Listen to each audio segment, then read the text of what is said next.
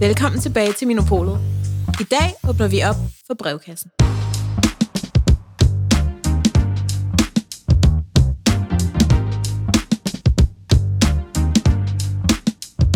Hej alle sammen, og velkommen tilbage til Minopolet. Vi har savnet jer, og det har været rigtig lang tid siden, at øh, vi havde et afsnit. Så, vi er tilbage nu. Mit navn er Diara. Det er også et stykke tid siden, at jeg har været med i et afsnit, så jeg glæder mig rigtig, rigtig meget. Sammen med mig i dag har jeg to helt nye stemmer. De er også nye i øh, Minut Ung, og de har også glædet sig rigtig, rigtig meget. Så, take it away, hvis en af jer vil introducere jer selv først. Yes, jeg hedder Nanak Jod, jeg er 21 år gammel, og som de har sagt, så er jeg ny i min ung, og, og glæder mig bare til, hvad min ung kan bringe mig. Ja, og jeg hedder øh. Jeg er 23 år gammel, og øh, jeg er også ny, men jeg starter her i øh, Minopolet, så jeg glæder mig vildt meget.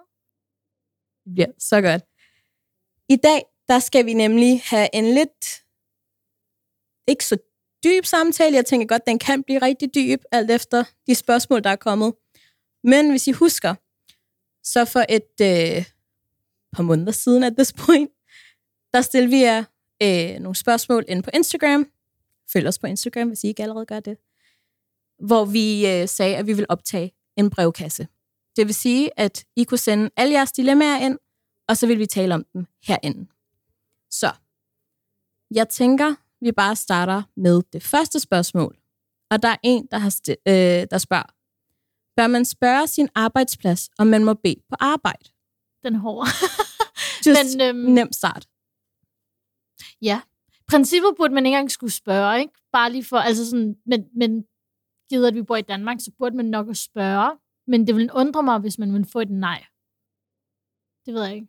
Øhm, umiddelbart tænker jeg, at siden det er en arbejdsplads, og der er en vis kutyme på arbejdspladsen, øhm, synes jeg helt klart, at det er, en bedre, det er en bedre idé at starte med at spørge, frem for bare at gøre det. Øh, fordi så ved du godt, hvor, hvor, hvor den situation står henne. Præcis. Det Men jeg rigtigt. tænker også for eksempel, at hvis nu at det er, at man sidder til en jobsamtale, og en af de spørgsmål, de spørger jo altid en, jamen, har du også nogle spørgsmål til os? Og man så spørger, hey, er det så muligt for mig at bede på min arbejdsplads, hvis det er, at i min religion, der kræver det, at jeg beder? Kan det være, at det så måske er sådan en stopklods fra deres side af, til at sige, okay, hvis den her person har brug for pauser, øhm, at det kan være noget, der så gør, at de ikke bliver hyret. Ja, altså jeg kunne forestille mig sådan, at hvis, man, altså hvis, man ikke, hvis de ikke har en idé om, hvor lang tid det for eksempel, hvis man er muslim, og det tager at bede, øhm, så kunne jeg godt forstå, hvorfor det ville være i ens overvejelser. Eller man ville være bange for, at det vil være i, øh, hvad hedder det, arbejdsgiverens overvejelser. Men altså min taktik har primært været, at jeg siger det efter jeg er ansat. Øhm, fordi når du så er ansat, så har du også en HR, du kan gå til, øh, og du får det arbejde, du gerne vil have, men uden at de sådan, kan gøre så meget ved det på en eller anden måde. Jeg tror også, det kommer an på, hvilket slags arbejde det er, øh, og hvad din rolle. Fordi hvis det er et kontorarbejde, øh, så er det jo ikke så meget mere som at tage en pause for at gå på toilettet, eller hente en kop kaffe. Det er jo ikke anderledes end det, hvis det giver mening. Men det ved jeg ikke, jeg vil vente med det til jeg var ansat. Ærligt, bare strategisk set. I princippet så burde man da spørge til jobsamtalen, men jeg vil vente til jeg var ansat. For sådan, den har jeg faktisk hørt et par gange ja. med, at man, sådan, man venter med sådan alle de der kulturelle ting, indtil man er blevet ansat og har skrevet under på kontrakten. Fordi så kan de ikke rigtig, du ved, bare fyre dig. nej. Så er det en sag. You Men know? så har du også en HR at kunne vende til, altså sådan, hvis det giver mening. Og så har de også fået et indtryk af, hvad det er. Jeg synes, det er ærgerligt, at det, det bliver en stopklods. Men det kan man bare risikere. Altså i takt med, at Danmark bliver mere og mere multikulturelt, så synes jeg også, at den her virksomhedskultur eller tradition med, at, at religion ellers er en stopklods, som, som Zainab også siger, så burde de også ændre den her mentalitet med at sige, okay, at vi har forskellige mennesker her, og, og der skal være plads til den her forskellighed. Øhm, så jeg synes helt klart, at, at man skal spørge først, men det er strategisk bedre at, at blive ansat først, så du er sikret arbejdspladsen, øh, men derefter så, ja, have HR som en, øh, en lille security ved siden af. Men jeg synes, jeg, jeg synes, du har helt ret, fordi ændringen skal jo komme inden fra virksomhederne.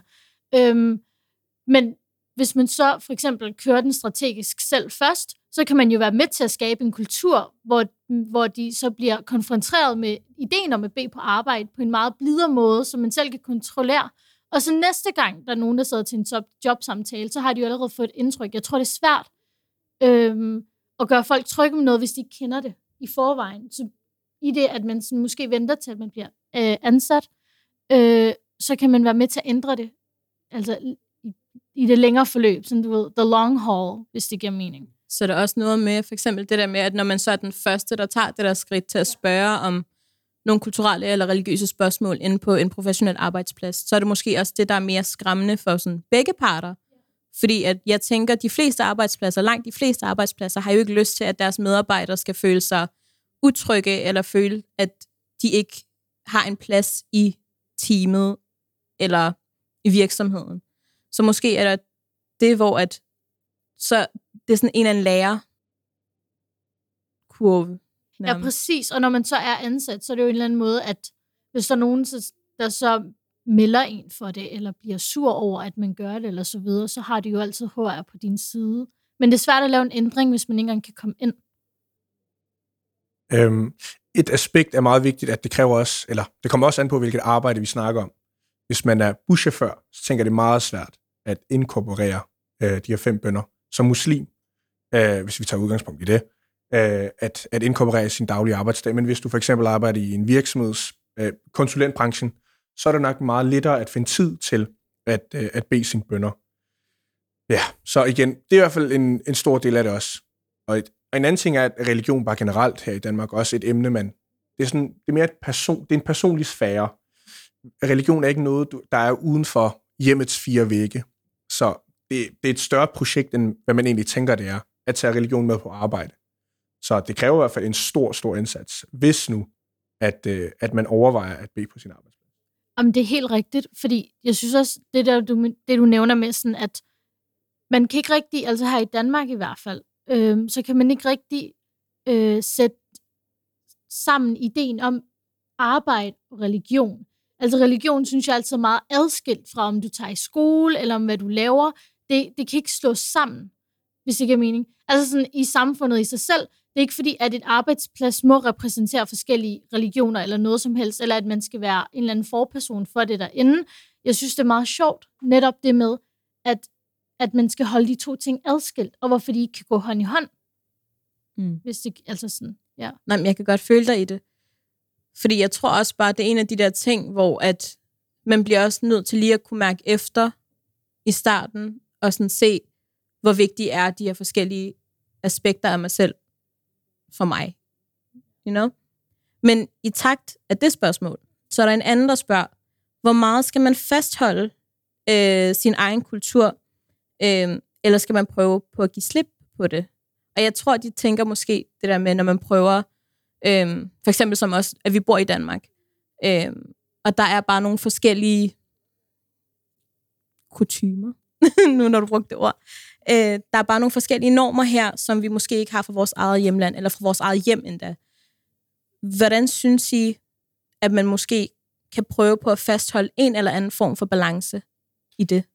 Øhm, jeg tænker, at, at balancen skal nok være dertil, så det ikke skader dig og din arbejdsplads, eller, eller din professionelle karriere. Men lige med det her, der tror jeg ikke, øh, ikke lige for at afbryde dig, hmm. men der tror jeg bare, de mener som uden for arbejdspladsen. Altså det er bare day to day så det kan jo sagtens også være arbejdspladsen, men jeg tror også bare øh, i ens dagligdag. Ah, okay. Um, umiddelbart tænker jeg, at, at kultur i hverdagen ikke begrænser din måde at udfolde dig på. Når jeg blandt mine kammerater, og jeg bruger Punjabi-udtryk, som er det eller var, for den sags skyld, så er det ikke fordi, at, at jeg bliver skubbet ud af cirklen eller noget, men, men det rejser en eller anden, det rejser et nyt emne som, som samtale, at okay, hvorfor siger du det? Ah, okay, det er interessant. Så kultur blandet med sin hverdag, synes jeg bare skaber en, hvad kan vi sige, en bredere forståelse for, hvordan vi som forskellige mennesker kan, hvad kan vi sige, et, inkorporere kultur med hinanden, men også hvordan man kan hjælpe andre personer med at forstå sin egen kultur. Jeg tror for mig, jeg er helt enig med, hvad du siger, øhm, men jeg tror også for mig, det er, at jeg lader være med at prøve at tænke over det så meget, fordi jeg prøver, det jeg har gjort, det er at identificere, hvilken del af min kultur jeg holder allermest af, Og så i stedet for, at det skal være et udtryk for, at jeg udtrykker min kultur, så er det bare en del af mig. Øhm, jeg læser jura. Og der er der rigtig meget præstation, der er rigtig meget slickback hår, Gucci tøj, tasker, du ved, mærkevarer. Øhm, og jeg har fundet ud af, at en af de ting, der gør mig glad ved min kultur, er vores tøj. Øh, så jeg har bare valgt, at hvis jeg har lyst til at tage shalvar kamis på, på jura, så gør jeg fandme det. Øh, og det gør jeg også ofte. Det har jeg også gjort på arbejde. Der har arbejdet på øh, Gyldendalen, som igen er en meget øh, dansk, hvid, øh, hvad hedder det, arbejdsplads. Vest, altså sådan vestlig, vestlig arbejdsplads. Øh, men jeg har bare fundet ud af, at jeg personligt har så meget glæde i at gå i det tøj fra mit hjemland, at det skal jeg bare gøre. Og det er ikke, fordi jeg skal lave en statement. Det er ikke, fordi det er noget, det er, fordi det bringer mig glæde. Øhm, og så det, tror jeg, det er det samme med sådan, at øh, med musik eller makeup eller små smykker. Jeg tror bare, man skal finde ud af, hvilken del af sin kultur, man ikke har lyst til at give slip på, og så finde ud af, eller opdage, at man behøver faktisk ikke at skille de to ting ad. Danmark, at bo i Danmark er ikke ens betydende med, at du skal rappe eller gemme væk eller skille det ad. Det kan sagtens blande sammen, øh, hvis man bare får opbygget mod til det. Øhm, et spørgsmål til det. Har du nogensinde, altså det kræver meget mod og selvsikkerhed at, at gøre de her ting, at have salvarkamis på, på en arbejdsplads eller på universitetet. Har du, har du kunne mærke en modstand?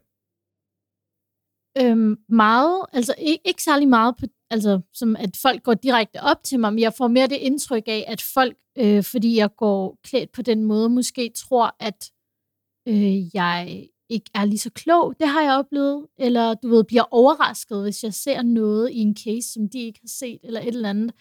Øhm, men så mødte jeg en pakistansk kvinde i hendes 30'er på mit studie, og hun gik kun i shalwar kamis, og hun havde også nogle gange sådan en dubatta på, og hun kom og læste. Øhm, og jeg snakkede med hende, og hun sagde, at det var det, hun følte sig mest komfortabel i. Hun havde øh, læst i Pakistan også, og var blevet gift, og var kommet herop, og valgt at tage en uddannelse om igen. Og så gik det jo mere op for mig, at det var folk omkring os, der var forkert på den, fordi hun var jo en ekstrem intelligent kvinde, øh, som var kommet op og prøver at starte sit liv om.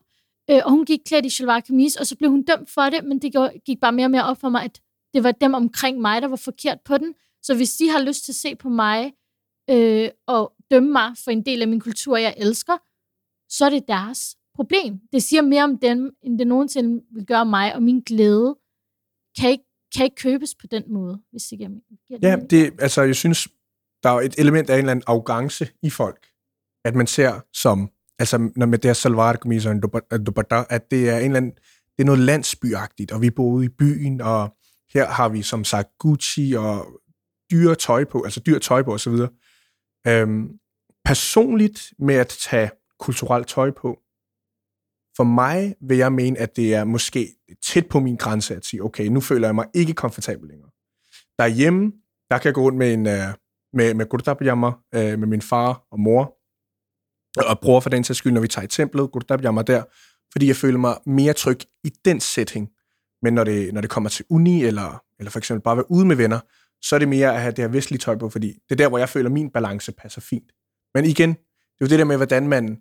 Det er, sådan, det er kontekstbaseret, og hvad det man er som person, og, og hvad man kan, egentlig sådan... Hvad kan vi sige? Øh, hvad er ordet? Altså, hvad man kan klare. Mm. Jeg er helt enig. Jeg tror også, det er sådan, igen, man skal identificere, hvilken del er det. Jeg har nogle venner, som igen også kan lide at holde det tæt på nogle punkter. Øhm, de har for eksempel plakater af øh, kunstnere fra hjemlandet, de kan lide i deres hjem, og der måde, på den måde bevarer de deres kultur tæt på sig selv. Øh, nogle af gange er det bare små smykker, andre gange er, hvad de lytter til i metroen på vej til studiet. Øhm, det kommer, jeg tror virkelig, det kommer an på, at man skal identificere, hvilken del man ikke vil give slip på, og så holde fast, hvis det giver mening. 100 procent. Jeg tror også, det er en af de ting, som jeg inden for de sidste par år, altså nu føler jeg mig mere komfortabel i, hvordan jeg ser ud, og hvad jeg repræsenterer. Men jeg kan godt huske dengang, hvor jeg var yngre, det der med, at det var meget vigtigt at gemme på det der, på ens kultur, og gemme på alt det, der gjorde, at man var anderledes. Og jeg tror, på den ene side, så er det jo bare det der med at være barn, og det der med at gå på, i skoler, hvor at man helst ikke vil stå for meget ud fra mængden. Så igen, 100% enig med, hvad I siger, at det er noget med at identificere, hvad der er vigtigt for dig, hvad der er vigtigst for, du ved, hvad du kan klare, Øhm, og så tage det måske bare et skridt den vej. Jeg synes aldrig, at det er sådan noget med, at man skal frelægge sig sin kultur, eller frelægge sig alt det, man har lært hjemmefra. Der kan jeg godt mærke, at det kan godt gå hen og blive farligt, fordi at så er det på en eller anden måde en eller anden had, man begynder sådan at bygge op indeni mod det, man er. Og det skal man helst ikke hen. Så jeg kan godt forstå, hvis der er nogen, så er der nogle ting, de gemmer på, fordi de bare slet ikke kan klare, hvis folk spørger ind til det, eller hvis folk giver dem blikke.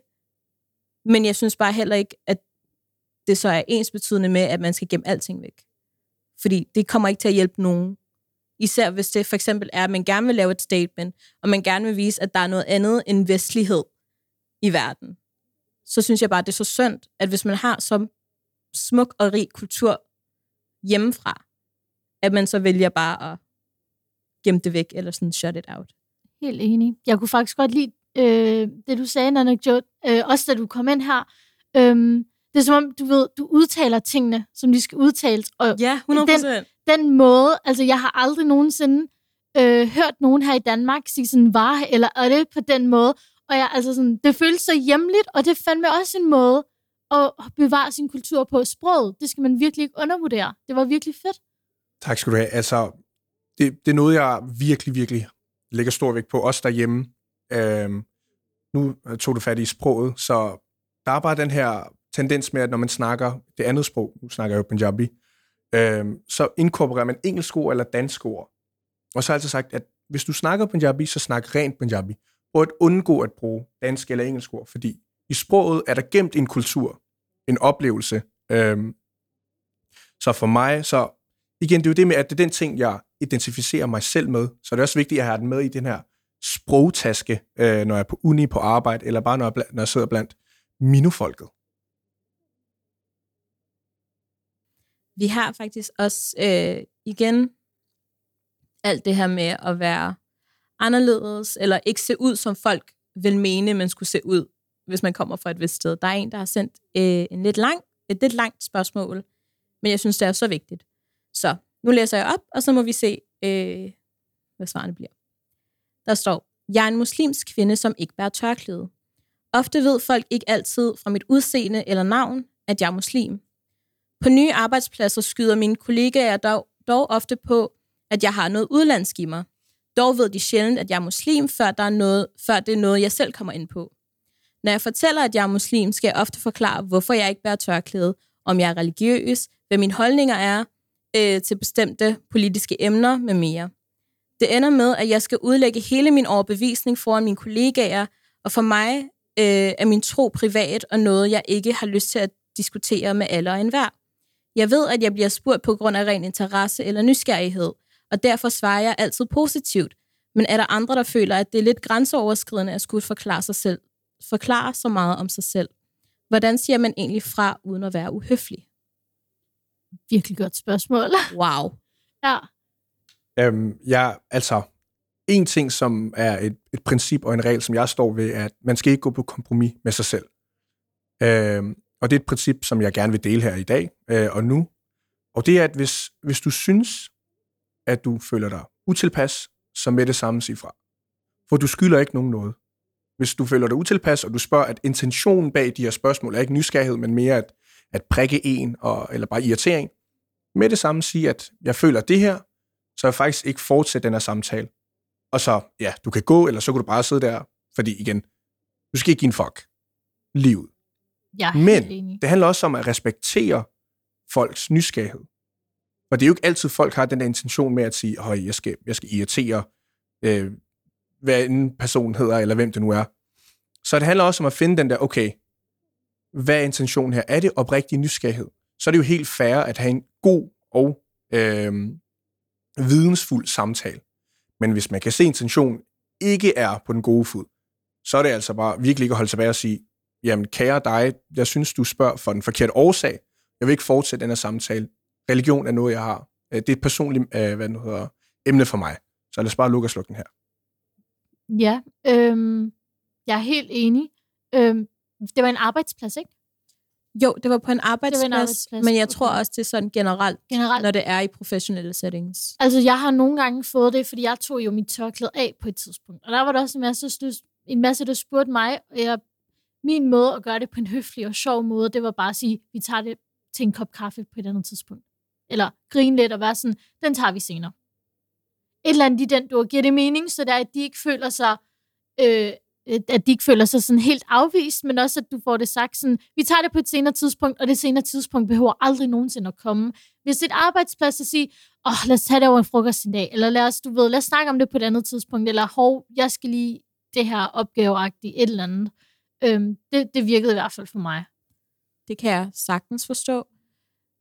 Og jeg er også enig med, at man kan sagtens gøre det på en måde, hvor det er mere sådan lidt sjovt at sige fra og sådan noget. Men som Nanakjot siger, hvis du har en grænse, så fasthold den. Du skylder ikke nogen noget. Så hvis det ender med, at du bliver nødt til at være uhøflig, og du bliver nødt til at sige fra med det samme, så synes jeg også, det er helt okay at sige, det jeg virkelig ikke lyst til at snakke om. Eller det er privat for mig, så det har jeg ikke, øh, det har jeg ikke lyst til at diskutere med dig. Det kunne også være sjovt at vende den på hovedet, og så begynde at spørge dem. Om bare sådan, du ved, Nå, er du muslim? Er du kristen? Nå, men hvor ofte går du i kirke egentlig? Ja. Øh, Det er du syv gange om dagen, som der står i Bibelen. Uh! ja.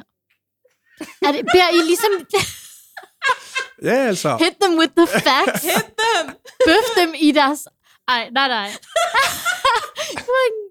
genialt. Ja. Men en ting, jeg gerne lige vil, vil trække videre på, altså det er et eksempel med, med at tage tørklædet af. En ting er jo også, i Danmark så er religion ikke, det er ikke et seriøst emne længere. Øh, så når du gør det, så tror jeg heller ikke, de kender øh, det store i det. For det er jo en stor ting, fordi i vores kultur, så fylder religion og kultur ufattelig meget. Så når folk stiller spørgsmål ind til det, så er det også fordi, at der er et, et uvident grundlag bag det. Ja, jeg er ikke helt enig, fordi at den diskurs, der er om for eksempel islam i Danmark, den er altså den er ret stor, og den er meget relevant. Så når folk spørger ind til islam, så spørger de ind til det baseret på den diskurs, de har læst om det. Øhm, så for dem er det ikke en vigtig ting, men jeg er meget, altså, det er i hvert fald min overbevisning, at når de spørger ind til os, eller ind til, sorry, ind til mig, øhm, og min religion, så er det jo fordi, at de har læst noget om det nogle steder, og jeg ikke passer ind i det billede, som de har af, og så det er derfor, de bliver nysgerrige. Øhm, og så det, og det, jeg tror, det er der, den opstår, men jeg, tror, jeg tror, du har ret i, at når det går den anden vej, så tager de det ikke så tungt. Altså, jeg har haft nogle... Jeg, jeg, øh, min min øh, kæreste, han er øh, dansker, øhm, og hans, øh, en af hans bedsteforældre er, øh, er sådan lidt, lidt demens. Øhm, og hun kan godt finde på at sige nogle virkelig ubehagelige ting nogle gange, øhm, hvor jeg så også har fundet ud af, at hvis personen er ubehagelig, eller hvis det er en, jeg gerne vil have en god relation til, for eksempel som nogen på arbejde eller studiet, øhm, så er det bare at øh, på en eller anden måde vifte af. Og så, som du sagde, når det så bliver for meget, sige til dem, det har jeg ikke lyst til at snakke om. Fordi det må man gerne. De er jo ikke nervøse for at, for at skyde det ned, når vi spørger ind til deres religion, og de ikke har lyst til at snakke om det. Fordi selvom det er en meget løs ting i Danmark, eller at det ikke bliver vægtet, ligesom det gør i vores kultur, så er religion også noget virkelig, virkelig privat. Øhm, jeg har ikke mødt nogen øh, to på studiet, der sidder og snakker om det så casually, som de snakker om det med os, hvis det giver mening. Altså, de føler ikke, de har retten til at spørge hinanden, som de har retten til at spørge mm. os. Så jeg Ja. synes også, det er helt fint, at vi sætter den grænse op, som de har sat for dem selv indbyrdes. Giver det mening? God pointe. Ja. Helt sikkert. Så okay. det er sådan, du har helt ret. Man skal bare sige, det vil jeg ikke snakke om. Det er privat. Okay. Jeg ved godt, i starten, der var jeg sådan, at det her, det bliver ikke så dybt. Øh, det blev det så alligevel. Men jeg tænker, at øh, der er faktisk nogle spørgsmål her, som er lidt mere sådan i den bløde ende. Men jeg føler stadig, at med vores baggrund og vores kultur, der kommer der stadig til at være en lille bitte smule diskussion omkring det. Så der er en, der spørger, hvem betaler på første date? Og er det okay, at kvinden giver? Jeg vidste ikke, at, man, altså, at mænd bare betalte på dates. Jeg har aldrig blevet betalt. Jeg har aldrig været på en date, hvor der var nogen betalt for mig. Same. Aldrig nogensinde. Jeg kan huske, der var en mand, der ville prøve at købe en kop kaffe til mig, og jeg blev totalt, altså feral. Jeg kunne slet ikke. Jeg var sådan, hvad mener du? Det, altså, du ved, hva- hvad? Jeg, og så fandt jeg ud af, at ingen af mine veninder nogensinde har betalt på en date. Så nogensinde. Nogensinde. Og jeg så bare tænker, what the fuck? Altså, de går igennem hele forhold, hvor de ikke betaler for mad. Okay, jeg vil... Jeg er i chok. Jeg er i chok. Jeg var i chok. Jeg var sådan, men hvad? Jeg sad bare her og svinger med min SU. altså sådan, what? Ikke engang med hendes kort med hendes SU. Med min SU! Guys, what the fuck? som, som manden, eller som en mand ved det her panel, så vil jeg våge, jeg vil våge på at påstå, at manden altså burde betale den første date. Jamen, hvorfor? Det er jo bare en, det er jo bare en gesture. Men Jeg har, jeg har mødt drengevenner, som er sådan, at de føler sig sådan lidt, øh, ikke, altså ikke sådan, at de føler sig nedgjort, men de føler nogle gange, at så tager de på en date, og så er pigen der bare for at få en, en, altså en gratis, du ved, du ved, aftensmad eller et eller andet, du ved. Og så føler de sig sådan lidt, at de skal betale nogen for Og at lære jeg dem føler at ikke, kende. vi kan blame hende for det. Fordi Ja. den her inflation is I hitting. swear to God. Så jeg kan godt forstå hende. Måske burde jeg lige nævne det her vilkår med, jeg skal lige nævne vilkår, altså den, der inviterer en ud, burde betale første gang. 100 Det er mere procent. der, Gør man det i Danmark? Jeg føler altid, at det har altid været sådan, at selvom man bliver inviteret ud, så splitter man. Jeg ved det ikke. Jeg er så forvirret. Men det er derfor, jeg sagde sådan til at starte med, at jeg føler, at vores kultur har et eller andet at gøre med det, fordi at jeg tror, der er rigtig mange af mine veninder, som er arabere, og som er blevet, du ved, opvokset med hele den her arabiske mentalitet, der hedder, piger betaler ikke. Manden betaler altid. Give me some of that. I know. Men jeg er også vokset op i et hjem, hvor at det var en matriark, der var der. Så det var min mor, der havde styr på alt sådan finances og sådan nogle ting. Så tanken om, jeg føler, at hvis der er nogen, der betaler for mig, der skylder jeg dem på en eller anden måde. Men på den anden side, der er jeg også bare sådan et, hold kæft, hvor ville det være rart, hvis der var en, der sagde, hey, I, I got it. this. Den er på mig. Ej, mine forældre er økonomer. Der er ikke noget, der hedder betale for hinanden. Det går sådan i Excel-ark lige op. Ej, Nej. sjov, men... Jamen, jeg forstår du godt. Det er også sådan en følelse af, at man bliver sådan, du ved, taget af på en eller anden måde. Selvom man er sådan en independent boss bitch, der er ikke nogen, der skal snakke med en. Men alligevel, så er det, det rart på et eller andet punkt. Er det ikke? Det ved jeg ikke. Jeg ved det ikke. Jeg har ikke prøvet det. Jeg synes, det, jeg synes, det vil være rart. Øhm, men det er en af de der ting, jeg føler, man burde også se situationen an. Hvis vi begge to er studerende, vi begge to har en SU, øhm, and life's just hard, så er jeg okay med, at man, sådan, man splitter den. Men jeg føler også, det bliver, burde være en af de der ting, hvor man har sådan på en eller anden måde fastlagt den fra starten af. Hvis I ja. ved, hvad jeg mener. Ja, Men- altså, men en ting er jo også, at det kommer også an på formålet eller relationen imellem de her to personer. Som hvis man er spise med en ven, så falder det helt naturligt, at man splitter beløbet. Men det kommer også an på, okay, hvis det er en kop kaffe, okay, fint ingen problemer, jeg, jeg har dig den her gang. Bare giv mig næste gang. Eller et eller andet den dur.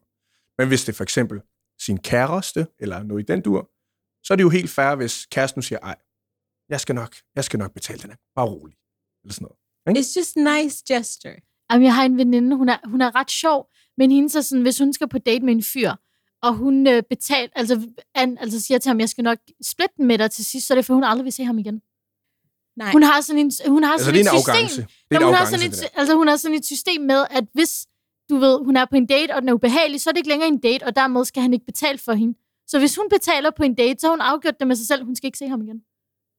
Det er okay. Det er systematisk. Jeg vidste slet ikke, det gik så dybt. Det er virkelig genialt. Det er sådan en verden for sig selv. Jeg synes virkelig, man skal prøve at holde den til, hvad er ens forventninger Ja. på den her date. Måske snakke om det inden. Snak om det, måske. Jeg synes også, det er en af de der ting med, sådan, hvis du inviterer mig ud på en restaurant, som ender med at være super dyr, og det er dig, der har valgt den. I don't want to pay. I'm so sorry. Hvordan siger man det så? Hvad? Hvordan siger man det så? Jeg, ved, altså, Hvordan jeg, har en veninde, det? jeg har en veninde, som decideret er en mester i det her. Hun sætter sig bare. Hun sidder, de kommer i regning, og hun sidder bare. Okay, altså... Au. Hun sidder bare sådan, du har inviteret mig ud. Iskoldt. Iskold, ingen følelser. Hun, Betaler de så, eller Ja. hvad? Nå, okay. Og de, vil- og de, okay. and they know. Ej, shit. Og jeg er i chok. I wish, but jeg kan ikke. Altså, jeg er altid, fordi jeg tror også, i mine venskaber for eksempel, der er jeg også altid den første til at tage mit kort frem for at betale. Det er bare den der araber, Mentalitet. iraker i mig. Altså, jeg, har, jeg er jo vokset op med, at de voksne mennesker omkring mig, hvis vi var ude som familie, at der vil være en slåskamp omkring, hvem der skulle betale, fordi man vil altid gerne være den, der betaler. Det er, en, det er sådan en kærlighedssprog på en eller anden Præcis. måde. Giver det mening? Så også med mine veninder, der for eksempel også er araber, eller bare ikke er danskere, altså der er også fight ved bordet, hvis det er, selvom det er sådan en kop kaffe. Og det er jo meget normalt, at man giver sin ven en kop kaffe, eller et eller andet. Ja, At man siger sådan lidt, igen, den tager jeg. Du tager den næste gang, ikke også? Men vi har decideret, altså, de vildeste skænderier omkring, hvor våger du og betale. Ja. Jeg gør det. Det er mig, ja. agtigt. Jeg tror også, som du sagde, det har noget at gøre med, altså måske er det meget normalt, at manden betaler på en date, men som du sagde, du- du er op- opvokset i en, du ved, en matriark-familie, og jeg har, bo, jeg har boet alene det meste af mit liv, så jeg tror måske også, der er noget selvstændighed i det, når det kommer til en mand, som du nævnte før. Fordi igen, den der følelse, at man måske skylder noget. Du, du sidder her som mand. Nu Ja. vender vi den om. Nu vender vi Hva, hvis, hvis du betaler på en date, føler du, en kvinde skylder dig noget? Overhovedet ikke. Okay. Og du, og du går ikke afsted med nogen sure miner eller et eller andet, noget som helst. Altså, hvis jeg inviterer en ud, så forventer jeg også, at jeg kan klare en betaling. Og det er ikke fordi, at jeg vil sige, åh oh, nej, åh, oh, det, jeg, jeg, oh, jeg er ked af det, eller sådan noget. Men det er det, jeg har signet op for. Ikke? Så man siger, så hvis jeg inviterer en ud, så vil jeg betale for den date, og så kan vi se, hvad der sker derfra. For det kan også være, at daten ikke var særlig god, men stadig, jeg inviterede vedkommende ud, så skal jeg også betale for det. Okay. Kære alle mænd, kan I høre det derude? Ja. Preach. Preach.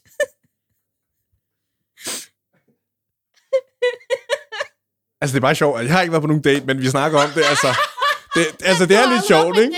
Nej. Girls, ring us up. Ring til ham, okay? På Mine Ung København på Ring, Instagram. skriv, hvor han er gjort det. Vi skal nok give jer hans Insta. okay. Jeg tænker, vi tager to spørgsmål til, og så bliver vi nødt til at runde den af for i dag. For vi har talt ja. meget, og det har været virkelig hyggeligt. Så jeg tænker, vi siger... Okay, nu kan jeg ikke lige finde den. Men der var en, der spurgte om, hvordan I har det med, at folk er på dating apps.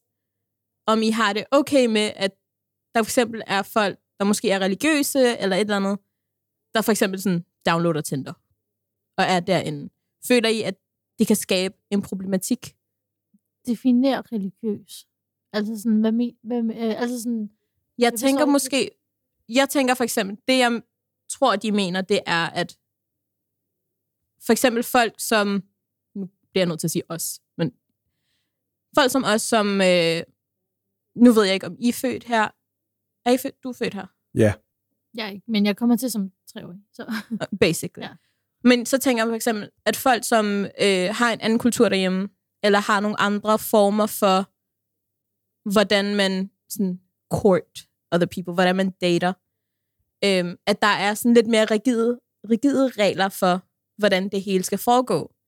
Jeg tror, det er meget individuelt.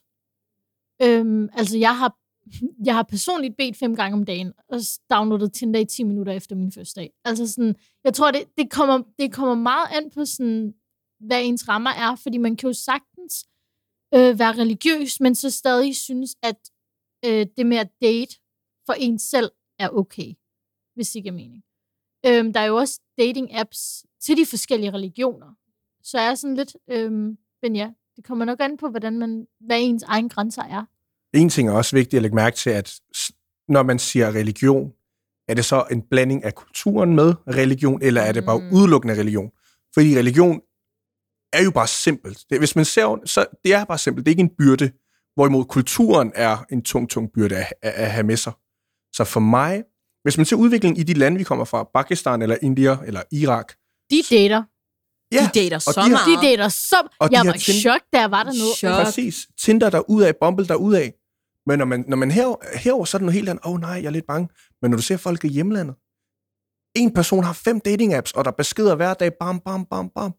Folket derover har intet at bekymre sig om. Jeg har Du bor i aldrig Danmark. datet så meget, som jeg gjorde i Pakistan. Det har Okay. jeg altså simpelthen ikke. Altså allerede der jo. Jamen, det var vildt. Det var sindssygt vildt. Så det er derfor, en ting er jo vigtigt at se, hvilken udvikling har vi her. Fordi hvis du føler, at religion begrænser dig på en eller anden måde, så er det et eller andet galt. Fordi det er meningen, at religion ikke skal begrænse dig, men den skal lade dig udfolde og udvikle. For det er der, religion egentlig er. Fordi det er mere kulturen, problemet er for os unge, anden etniske danskere eller danskere. Det er kulturen, der stopper os. Men du har helt ret. Og det er meget vigtigt, du siger det, fordi at det leder mig til det sidste spørgsmål. Fordi igen, det der med, at man ofte, ligesom jeg lige gjorde, blander kultur med religion, så ender det med det der, så ender det med, at man skal tænke over, hvad vil de her folk synes? Hvad kommer det her til at ske? Og det er derfor, der er en, der så også har spurgt os, synes I, at rygtesamfundet stadig findes? Mm. Ja. Skud til Punktum. sladdertanterne, ikke? Skud til sladdertanterne. Ej, jeg ønsker jer det værste. Nej, nej, nej, nej. Jo, det findes. Øhm, det findes stadig rigtig, rigtig meget. Øhm, jeg, jeg har personligt fundet en vej udenom det. Øh, flyt til et andet land, end hvor dine forældre bor. Men hvis man ikke kan det, så tror jeg også bare, altså, den er bare tung mentalt. Jeg ved, ikke, jeg ved ikke helt, hvad jeg skal sige, fordi den der rygtekultur, den ødelægger folk mentalt. Lige præcis. Øhm, altså glem det praktiske ved det. Den eksisterer, og den er, den er, så, den er så beautiful for den, der bliver snakket om. Eller frygten af at blive snakket om. Jeg tror lige præcis, at det er det, der er det værste. Frygten om, at nu er det dig, der skal... Fordi jeg tror, vi har, jeg har i hvert fald siddet i rigtig mange samtaler sammen med alle de her aunties, hvor at, så er der blevet talt om en eller anden pige. Hvor at, da jeg var yngre, der kunne jeg ikke selv sige så meget, hvor nu er jeg den, der, sådan, der stopper dem. Fordi jeg ved, hvordan det er at være den, der bliver talt om på en måde. Men frygten om at være den pige, som alle de her tanter snakker om, og det er kun bag hendes ryg. De vil aldrig sige det til hendes ansigt. Aldrig nogensinde. Udover hvis det er sådan hentydninger. Hentydningerne, uh! Altså, de spiller tennis med de hentydninger. Sådan, kan, does she catch it? Som i de, Det der, er i, de der, Wimbledon. i de der dramaer, ikke? Og så går hun der, åh, eller sådan noget mærkeligt noget. Men en ting, som jeg vil lige gerne påpege, du sagde pige. Det er en dimension, ja. der er meget vigtig at påpege, fordi hvis man er dreng, så er det en helt anden, en helt anden, det er helt anden spilleregler. Ja, hvordan er det egentlig? Fordi med rygtesamfund, jeg tror, vi kender den som piger og som kvinder. Og hvad vi skal passe på med at gøre. Hvordan er det for mænd og for drenge? Også i de her rygtesamfund. Øhm, for at være helt ærlig, jeg ved det ikke. Jeg tror ikke, der er nogen drenge, der kender til den. Til den oplevelse, den følelse her, okay, der bliver snakket om. Og fordi i kulturen, så er drenge jo top tier. Uafhængigt af, hvordan de er, og hvordan, hvordan de altså virkelig er. Men piger, det er mere sådan, de, kom, de skal ind i, i det nye hjem, de skal følge hjemmets regler og så videre, så er der bare flere forventninger til pigen. Hvorimod dreng, han kan jo gøre, hvad han vil. Og selvom det er 2022, altså, så, altså der er ikke nogen forskel. Det er stadig den samme øh, dynamik øh, af pige og dreng. Ja, altså jeg har sådan to ting at sige. det er sådan et emne, jeg har meget at snakke om. Anyways, men som en kvinde, som har været den dårlige kvinde, den dårlige indflydelse, og så er blevet meget afsted fra min egen community, øhm, selvom det er virkelig hårdt, så er det også sindssygt befriende. Der er ikke nogen, der forventer noget af mig, og når man så er kommet over den heartbreak, at der er ikke nogen, der forventer noget af mig, så får du lov til at blive genforenet med din kultur, med dine rødder på en måde, som, hvor du føler dig selv accepteret, får en helt anden glæde, og det er nogle hårde år, hvor du skal være afsted, men når du så begynder at genopbygge din, din hvad hedder det, øhm, dit forhold til din kultur og til din hjemland igen, så det, altså, det, er noget, det er noget smukt, det er, noget, det er helt vildt. Øhm, og når jeg så kigger på mine veninder, så siger jeg altid, rebel young. Hvis du starter Virkelig. i 13 års alderen, så er der ikke nogen, der forventer noget af dig, når du er 22, og så kan du, altså, jeg har opbygget et forhold til mine forældre nu, hvor de accepterer mig på vilkår, vi bestemmer sammen, i stedet for vilkår, som de bestemmer. Øhm, så altså sådan, på en eller anden måde er der også noget i at gå hovedet først ind i den frygt, og blive den kvinde, og så komme ud af den på den, på den anden side. Fordi at leve i den frygt resten af ens liv, det er, det er fandme hårdt. Det er nærmest hårdere, end at blive out- outcastet, hvis man spørger mig. Wow. Wow. Jeg kom lige i tanke om en episode. øhm, som, mor. som dreng. Øhm, de her familiesammenkomster, fester.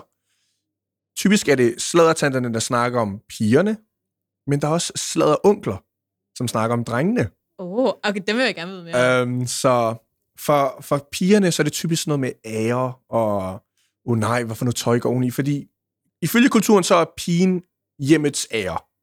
Det er selvfølgelig en eller anden, det er, det er en titel i sig selv, men det er også et pres, som en ung pige ikke burde have i en så en lille alder. Men for, for mig, det der blev sagt om mig, var sådan, han kommer ikke til at være, han lytter ikke efter, han larmer bare, han, han siger det her til min søn, og, og bla bla bla, Altså, i en dårlig indflydelse. Så der er nogle, der er forenlige elementer, når, man, når det kommer til de her sladdertanter, sladderonkler. Men jeg tænker, vægten og, og dybden af, af sladeren omkring piger er meget, meget tungere og dybere, end det er om drenge. Nu, Bare hvor du, generelt. nu hvor du nævner ære, så har jeg faktisk øh, det sidste års tid, på grund af rygtesamfundet, valgt øh, at øh, tage min ære tilbage. Øh, fordi jeg føler, at den har bare været i hænderne på alle mulige andre, så jeg fik faktisk en tatovering, hvor der stod ærefuld på urdu. Øhm, på min, Ej, jeg fik seriøst lige kuldegysninger. på, min, øh, på mit lår. Øh, fordi jeg har altid fået fortalt, at øh, æren ligger mellem kvindernes Mm. Øh, ja. Så hver gang, hvis jeg har været i, i teorien, været sammen med en mand eller noget, og han så lukker mine ben efter det er færdigt, så står der, at jeg stadig ikke er ærfuld på mit ben. Der er ikke nogen, der kan tage det fra en. Så hvis hvordan siger- nu, wow. Undskyld, hvordan siger man ærefuld på that that? Ja, så hvis der, hvis der er en pige, der sidder derude, og føler, at hun har lavet noget, eller er sket noget, og hun ikke har noget ære tilbage, der er ikke nogen, der kan tage den fra dig. Du bestemmer, om du er fuld eller ej. Rygtesamfundet kan, mildest sagt, sutte røv. Jeg vil lige uh, tilføje uh, et, et lille quote, som jeg s- siger til mig selv mange gange, det med at conquer your own mind and then conquer the world, fordi sindet er jo verdenen på en eller anden måde.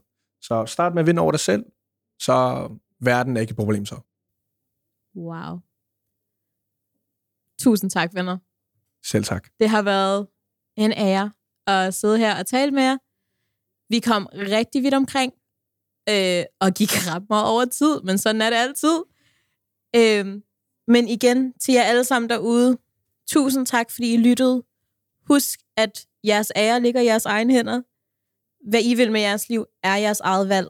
Og det er hårdt i starten, men hold kæft, hvor er det smukt på den anden side. Tusind tak, fordi I alle sammen lyttede med. Husk at følge os der, hvor du lytter til din podcast. Og husk at følge os på Instagram på min ung KBH. Vi ses næste gang. Hej. Bye.